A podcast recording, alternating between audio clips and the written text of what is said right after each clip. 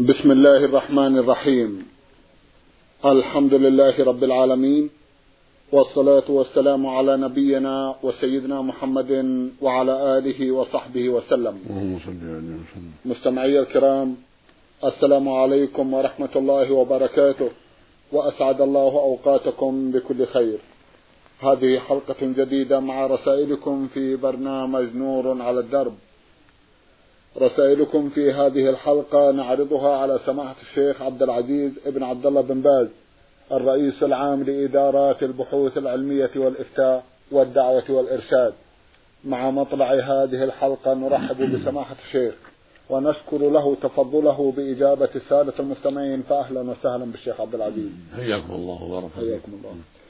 أولى رسائل هذه الحلقة رسالة وصلت إلى البرنامج من أحد الإخوة المستمعين يقول مقدمه المواطن فانون من الرياض. أخونا بدأ رسالته بقوله بسم الله الرحمن الرحيم. سماحة الشيخ عبد العزيز بن عبد الله بن باز حفظه الله.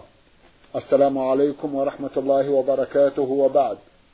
أبعث إلى سماحتكم برسالتي هذه وفيها أن عندي منزلا صغير بمدينة الرياض وحيث أنني وحيد وليس لي زوجة ولا أولاد وأريد أن أسبل بيتي إلى والدتي على يد ابن أخ لي صغير السن في العاشرة من عمره ثم إلى أخته من بعده.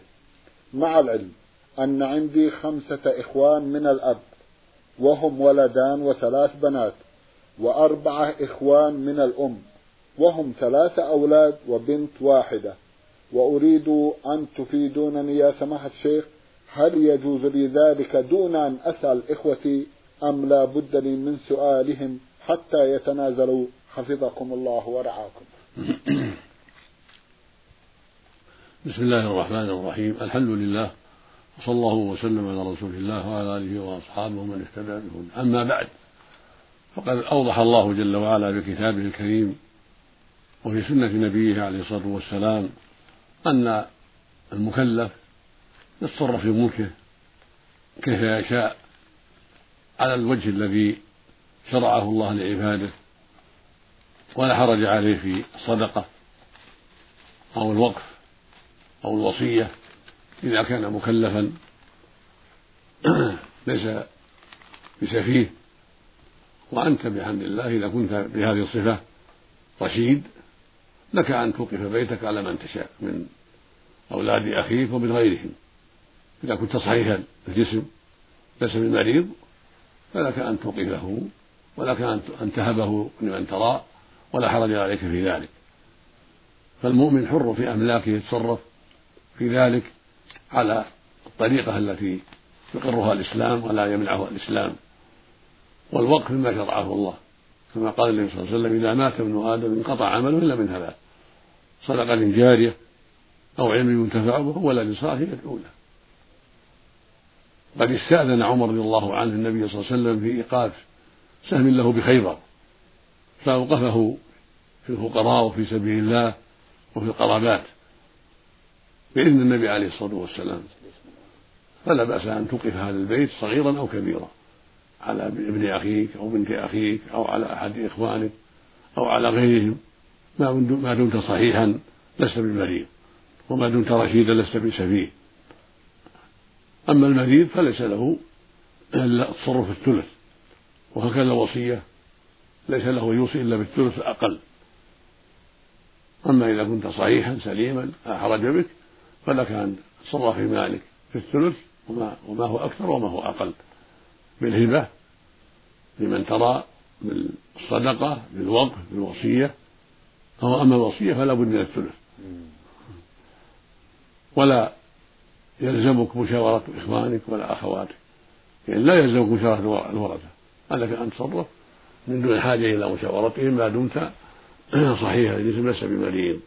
وما دامت العطية منجزة ليست وصية. نعم. جزاكم الله خيرا. رسالة وصلت إلى البرنامج من إحدى الأخوات المستمعات من العراق تقول المرسلة أم أحمد. رسالتها مطولة في الواقع سماحة الشيخ ملخص ما في هذه الرسالة أن ابنا لها استعار ساعة من زميله وسرقت منه وتوفي وهي في ذمته وهم لا يعرفون صاحب الساعة ويسألون كيف يتصرفون. إذا كان عنده أمانة لزميله وسرقت بغير تفريط منه فلا حرج عليه ولا يلزمه الضمان لأنها أمانة. فإذا سرقت من يده وهو نائم أو سرقت من صندوقه بأن كسر الصندوق أو ما أشبه ذلك فليس عليه ضمان لأن زميله قد أذن له بعد أذن له في ذلك أن يلبسها وجعلها عنده يلبسها. أما إن كان زميله أعطاه إياها ليحفظها لديه. ثم فجعلها في يده ولم يبالي فهذا يضمن. وإذا كان صاحبها لا يعرف صدقوا بقيمتها. عرفوا قيمتها وتصدقوا بقيمتها. لأنه مفرط حين لبسها حتى سرقت بيده وهو نائم أو غافل. أما إذا كانت سرقت من محل مأمون محل مضبوط من صندوق أو بيت مضبوط كسر هذا لا يضمن لأنه لم يفرط. أما إذا كان قد فرط في ذلك بأن لبسها ونام وزميله لم يذل في لبسها ولم يعطيه إياه ليلبسها ولكن يحفظها لديه فهو مفرط. فإن فإن عرفتم الزميل فأعطوه قيمتها وإن لم تعرفوا صدقوا بقيمتها. على بعض الفقراء بالنية عن صاحبها والله لا يضيع أجر المحسنين سبحانه. بل يثيبكم أنتم على براءة الذمة ويثيب صاحبها بإيصال الأجر إليه. سبحانه وتعالى. نعم. جزاكم الله خيرا. المستمع عبد الرحيم حماد من السودان بعث برسالة يقول فيها شخص مغترب عن بلده وجد مالا في طريق شبه خال أي صحراء وأخذه وهو لا يحب الحرام ولكنه في نفس الوقت محتاج. هل هذا المال حلال أم حرام وماذا عليه أن يفعل تجاهه؟ عليه أن يعرفه سنة كاملة. إذا كان له قيمة يعرفه سنة كاملة. في مجامع الناس عند أبواب الجماعة وقت صلاة الجمعة وعند في الأسواق اللي فيها جمع الناس من له اللقطة. يسميها إن كانها مال ذهب وفضة يقول الذهب والفضة حلية. إن كانها مسك غالي أو أو شبه ذلك يبين. نعم. حتى إذا جاء من يعرف صفاتها سلمها له لكن لا يبين الصفات. يقول من له السلعة الفلانية من له الحاجة الفلانية؟ ويحفظ صفاتها الخفية يحفظها نعم. ويكتمها فإذا جاء من يعرفها سلمها له فإن تمت السنة ولم يأتي أحد فهي له. سبيلها سبيل ماله. ومتى عرفت بعد ذلك سلمها لصاحبها ولو بعد سنوات. لكن بعد السنة تكون ملكا له يتصرف فيها كسائر ماله وإن شق عليه حفظها باعها وحفظ ثمنها إذا كان حفظها يشق عليه باعها في سوق من يزيد وحفظ ثمنها حتى تعرف. فإذا عرفت سلم له الثمن. جزاكم الله خيرا. سوق من يزيد شبه الحراج؟ الحراج. الحراج. نعم. جزاكم الله خيرا. رسالة وصلت إلى البرنامج من أحد الإخوة المستمعين من جمهورية مصر العربية هو عمر غانم إبراهيم. أخونا عمر له ثلاثة أسئلة. في أحد أسئلته يسأل عن تفسير الجلالين. يقول إن هذا التفسير مشتمل على كثير من الأحاديث والمؤلف لا يقول إلا قال الرسول صلى الله عليه وسلم ولكن ليس يخرج الأحاديث. فهل كل الأحاديث الواردة في تفسير الجلالين. من الأحاديث الصحيحة؟ تفسير الجلالين تفسير مفيد مختصر نافع. لكن فيه أحاديث ضعيفة وفيه تأويل بعض الصفات فينبغي التحرز من ذلك وأن لا يعتمد عليه في هذه الأمور. بل طالب العلم يراجع ما فيه ويسأل أهل العلم عما أشكل عليه حتى لا يقع في الغلط. لأن السيوطي رحمه الله ليس بمحقق في معرفة الأحاديث الصحيحة من سقيمة. وله كتابه المعروف الجامع الصغير والجامع الكبير فيها الضعيف وفيها الصحيح. فالجلالين في الجلالين له للمحلي مشترك بينه وبين المحلي. فيه أحاديث ضعيفة وفيه أشياء تخالف العقيدة الصحيحة. فينبغي للمؤمن الذي يطالعه ألا يعتمد عليه. بل يراجع كلام أهل العلم من أهل السنة والجماعة فيما أشكل عليه من جهة العقيدة ويراجع كلام أئمة الحديث في ما رأى فيه من الأحاديث الضعيفة من الضعيفة. يعني من الأحاديث التي لا يدري عنها مثل تلخيص الحبيل الحافظ بن حجر مثل نصب الراية للزيلعي وغيرها من الكتب التي توضح الصحيح من الضعيف. نعم. جزاكم الله خيرا. في سؤاله الثاني يقول لي صديق دخل الكلية الحربية وعندما تخرج وأخذ أول رتبة فرح به والده واشترى له نجمة من الذهب بدلا من النحاس فهل لبسها حرام ووضعها على البدلة أم أنه يجوز ذلك؟ لا يجوز تعليق النجمة من الذهب ويكفي النجمة المعتادة. النبي صلى الله عليه وسلم في قال في الذهب والحرير حل لإناث أمتي محرم على ذكورهم. وحرم خاتم الذهب على الرجل. والنجمة مثل خاتم الذهب أو, أو أكثر. فلا يجوز اتخاذ نجمة من الذهب ولا خاتم من الذهب عند الرجل. نعم. جزاكم الله خيرا. آخر سؤال له يقول فيه قراءة القرآن من المصحف بدون وضوء. هل هي حرام أم جائزة؟ لا يجوز للمسلم أن يقرأ القرآن من المصحف وهو على غير الوضوء ولا هو جنوب. لا يقرأ القرآن إلا على طهارة إذا كان يمس المصحف. أما إذا كان لا يمس المصحف فلا بأس أن يقرأ وهو على حدث عن حفظه إلا إذا كان جنوبا فإنه لا يقرأ حتى يغتسل. لا يقرأ ولا يمس المصحف جميعا. لكن إذا كان غير جنوب جاز له أن يقرأ من دون مسح المصحف لكن المصحف لا يمسه إلا وهو طاهر. هذا الذي عليه جمهور أهل العلم وهو الذي افتى به أصحاب النبي صلى الله عليه وسلم ودل عليه الحديث المشهور المعروف حديث حسن جيد أن النبي عليه السلام كتب إلى أهل اليمن أن لا يمس القرآن إلا طاهر. والله يقول سبحانه في كتابه العظيم لا يمسه إلا المطهر. يعني المصحف نعم. فالواجب على المسلم أن لا يمسه إلا على طهارة. لكن لا حرج أن يقرأ عن ظهر قلب وهو على غير طهارة إذا كان ليس بجنوب. أما الجنوب فلا بد من اغتساله قبل أن يقرأ. لا يقرأ لا عن ظهر قلب ولا من المصحف حتى يغتسل. لأن النبي صلى الله عليه وسلم كان لا يحجبه عن القرآن شيء إلا جنابه. هكذا جاء الحديث. عن علي رضي الله عنه قال كان النبي صلى الله عليه وسلم لا يحجبه شيء عن القرآن إلا الجنابة نعم. جزاكم الله خيرا. رسالة وصلت إلى البرنامج من المملكة الأردنية الهاشمية عمان وباعث الرسالة مستمع من هناك رمز إلى اسمه بالحروف ح عين ميم. أخونا رسالته مطولة ملخصها أنه أصيب بمرض نفسي. وعلى إثر ذلكم المرض تلفظ بألفاظ تخص زوجته كقوله أنت علي كظهر أمي. وحينئذ أدرك أنه وقع في خطأ وبدأ يسأل الآن بعد أن من الله عليه بالشفاء. وجهوه سماحة الشيخ لو تكرمتم. إذا كان عقله معه يعقل ما يقول هذا يسمى ظهار. ويجب عليه كفارة لقول الله سبحانه وتعالى والذين يظاهرون من نسائهم ثم يعودون لما قالوا. فتحرير رقبة من قبل أن يتماسى ذلكم توعظون به والله بما تعملون خبير. الآيات.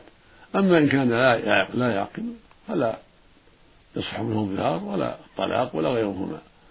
لأن من ذهب عقله لا يصح منه التصرف في الطالق والطلاق والظهار. ولكن ينبغي في مثل هذا أن يتصل المحكمة. هو والمرأة وليها. حتى تقول له المحكمة رأيها في ذلك وحتى تسأل عنه المحكمة. يعني لا بد أن تتصل المحكمة أو المفتي لديكم حتى يعرف الحال ويتحقق عن حالك ثم يفتيك أو المحكمة بما يتضح لها من حالك نعم. جزاكم الله خيرا. المستمعة لبرنامجكم نور على الدرب أم عادل بعثت تسأل وتقول ماذا يعمل من ينفق على روح الميت بأضحية وما أشبه ذلك مثل العشاء بذبح شاة أو بقرة؟ وما حكم ذلك لغير الميت؟ وما يقتضي عمله لغير الميت؟ وهل يصح تكرار الأضحية للعيد الكبير كل سنة؟ وكم مرة تكرر في العمر؟ هذه بعض أسئلتها لو تكرمتم شيخ عبد العزيز. ليس لهذا حد هو يضحي عن الميت وله يضحي عن الحي. من أهل بيته كأن يذبح ضحية عنه وعن والديه الأحياء وعن أهل بيته من زوجة وأولاد. وله يضحى عن الميت من أبيه أو أمه أو خالته أو خاله ونحو ذلك. وليس لذلك حد إذا ضحى كل سنة فهذا حسن. والضحية سنة كل سنة. النبي كان يضحي كل سنة عليه الصلاة والسلام بضحيتين إحداهما عنه وعن أهل بيته والثاني عن أحد الله من أمته عليه الصلاة والسلام. وإذا صدق غير الضحية ذبح في رمضان أو في غيره ناقة أو بقرة أو شاة أو عدد أكثر. نوى بذلك الصدقة عن نفسه أو عن والديه الحيين أو الميتين أو عن غيرهم صدقة يطلب بها ثواب الله وتصدق بها الفقراء والمساكين. كل ذلك نافع. كل ذلك في أجر كثير.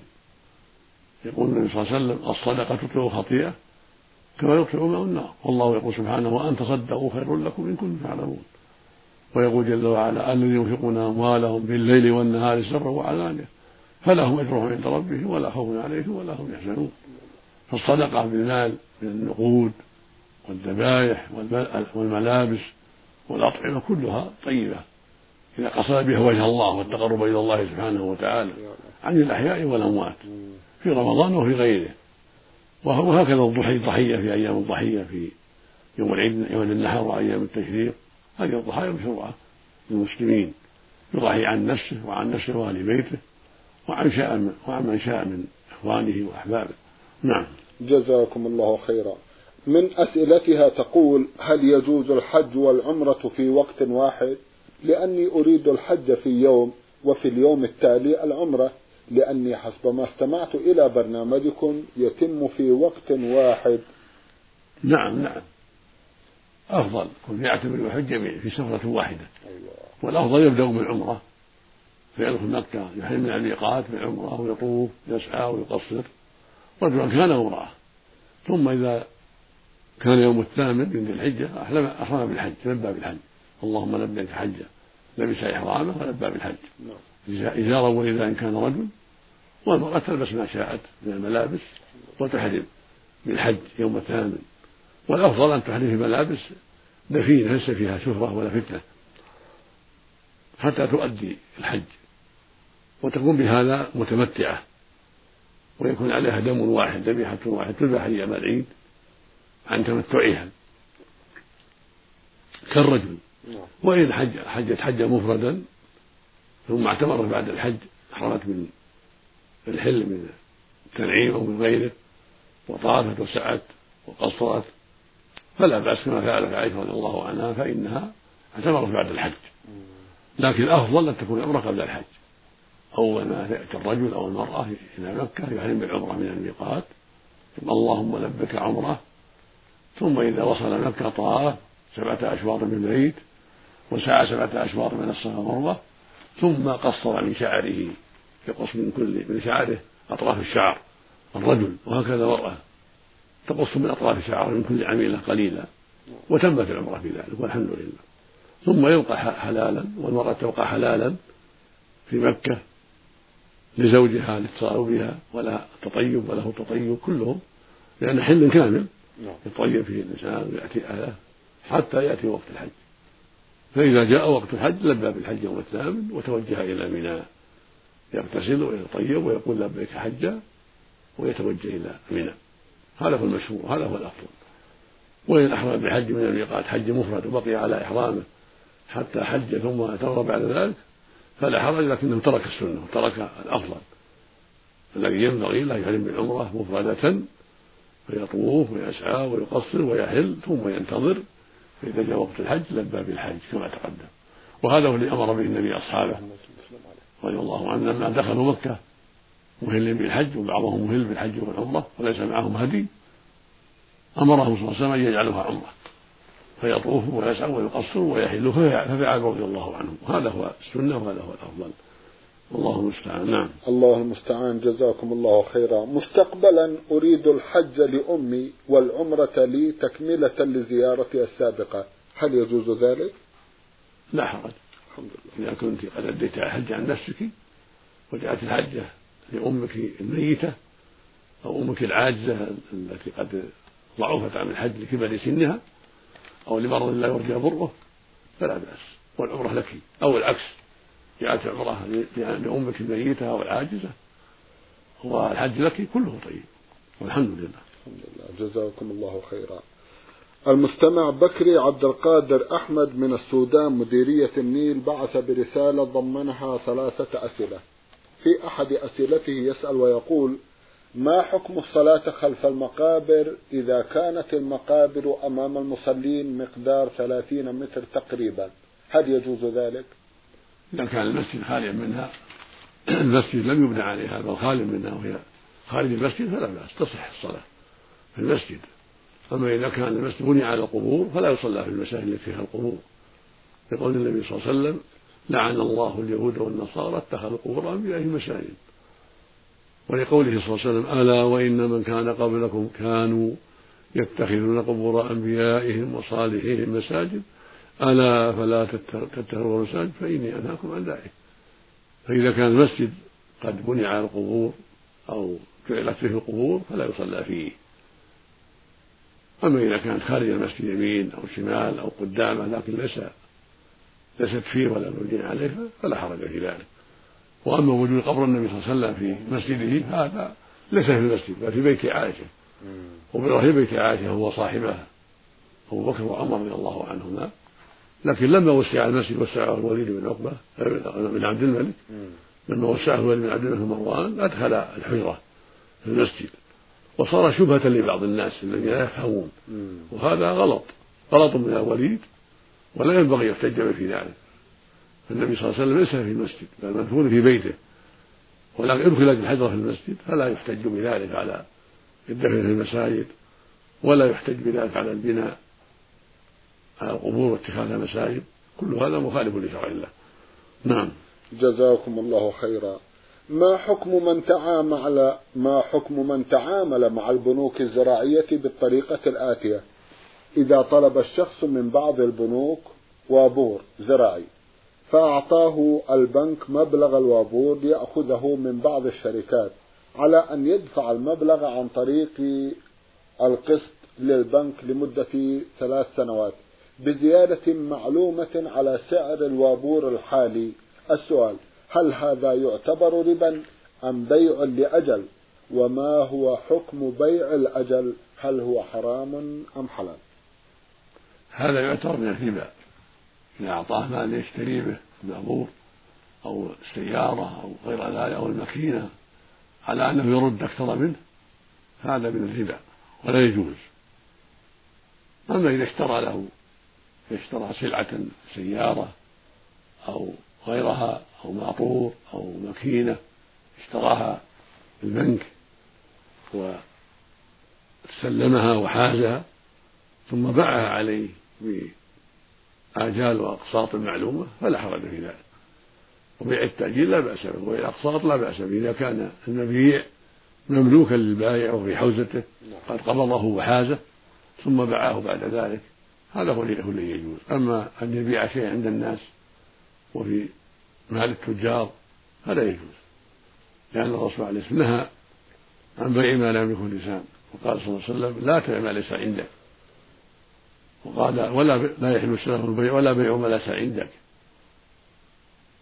فالواجب على المؤمن أن يحذر ما حرم الله وألا يبيع شيئا عند الناس. وإذا أعطاه ألفا على يرد ألفا ومئة أو أكثر أو أقل لا يجوز. هذه الزيادة ربا. ولا يكون بيعا هذا قرض يسمى قرض. فالبيع أن تشتري منه السلعة بنفسك يبيعها عليك بعدما حازها وملكها بعد هذا يبيعها بنقد مقدم أو بآجال أو بنقد وآجال كل ذلك لا بأس به. إذا كانت الأقساط معلومة واضحة وكانت السلعة مملوكة للبائع وفي حوزته قد قبضها وحازها فلا حرج في ذلك. جزاكم الله خيرا. هل هناك صيغة ثابتة من السنة للعقد بين الزوجين؟ وما هي؟ لو تكرمتم. الصحيح ليس في ذلك شيء معين أيوة. لكن كثير من العلم يقولون أنه يتلفظ بلفظ يتلفظ بلفظ أنكحت وزوجت هذان اللفظان معروفان في ما يتعلق بالنكاح نعم. ولكن الصحيح لا يتعين لو قال ملكتك أو جوزتك بنتي أو أعطيتك بنتي على سنة الله ورسوله يعني أو قصده النكاح. وقال لا الزوج قبلت صح بذلك. لأن الرسول صلى الله عليه وسلم يعين لفظا معينا في الزواج. ولكن إذا قال أنكحتك أو زوجتك يكون أحسن خروجا من الخلاف. قال أنكحتك بنتي أو أختي أو زوجتك يكون أفضل. وإن قال غير ذلك من الألفاظ التي أراد بها الزواج ويعرفها الزوج قال أعطيتك بنتي أو ملكتك بنتي أو وهبتك بنتي على سنة الله ورسوله أو على مهر كذا فقال الزوج قبلت على الزواج وبينهما مهر وليس هناك موانع الزوجة راضية بحضرة شاهدين والولي الذي هو أقرب الناس إليها كأبيها وابنها وبعدهما أقرب العصبة. إذا كان الولي هو اللي تولى الزواج وأولاهم الأب ثم الابن ثم ابن الابن فأنزل ثم أقرب العصبة. هذا هو الولي. ويكون ذلك بحضرة شاهدين عدلين. الجميع أربعة الزوج والولي والشاهدان. نعم. إذا كانت المرأة سليمة ليست في عدة وليست مكرهة بل راضية فإن النكاح لا بأس به. ولو قال بغير لفظ النكاح لو قال أعطيتك أو ملكتك أو وهبتك لا حرج. لأن النية معروفة والمقصود معروف وهو النكاح. نعم. جزاكم الله خيرا. رسالة وصلت إلى البرنامج من المستمع عبد الله حامد عبود. ضمنها جمع من الأسئلة في أحد أسئلته يقول المتوفون في حوادث السيارات هل هم شهداء؟ يرجى له الشهادة لأن من صاحب الهدم. صاحب الهدم شهيد صاحب الغرق شهيد وصاحب الحادث بالسيارة الذي يصدم أو تنقلب به السيارة حتى يموت هو من جنس صاحب الهدم نرجو له الشهادة. يا الله. نعم. جزاكم الله خيرا. سماحة الشيخ في الختام أتوجه لكم بالشكر الجزيل. بعد شكر الله سبحانه وتعالى على تفضلكم بإجابة السادة المستمعين وآمل أن يتجدد اللقاء وأنتم على خير. نرجو ذلك. مستمعي الكرام كان لقاؤنا في هذه الحلقة مع سماحة الشيخ عبد العزيز ابن عبد الله بن باز. الرئيس العام لإدارات البحوث العلمية والإفتاء والدعوة والإرشاد. شكرا لمتابعتكم وإلى الملتقى وسلام الله عليكم ورحمته وبركاته.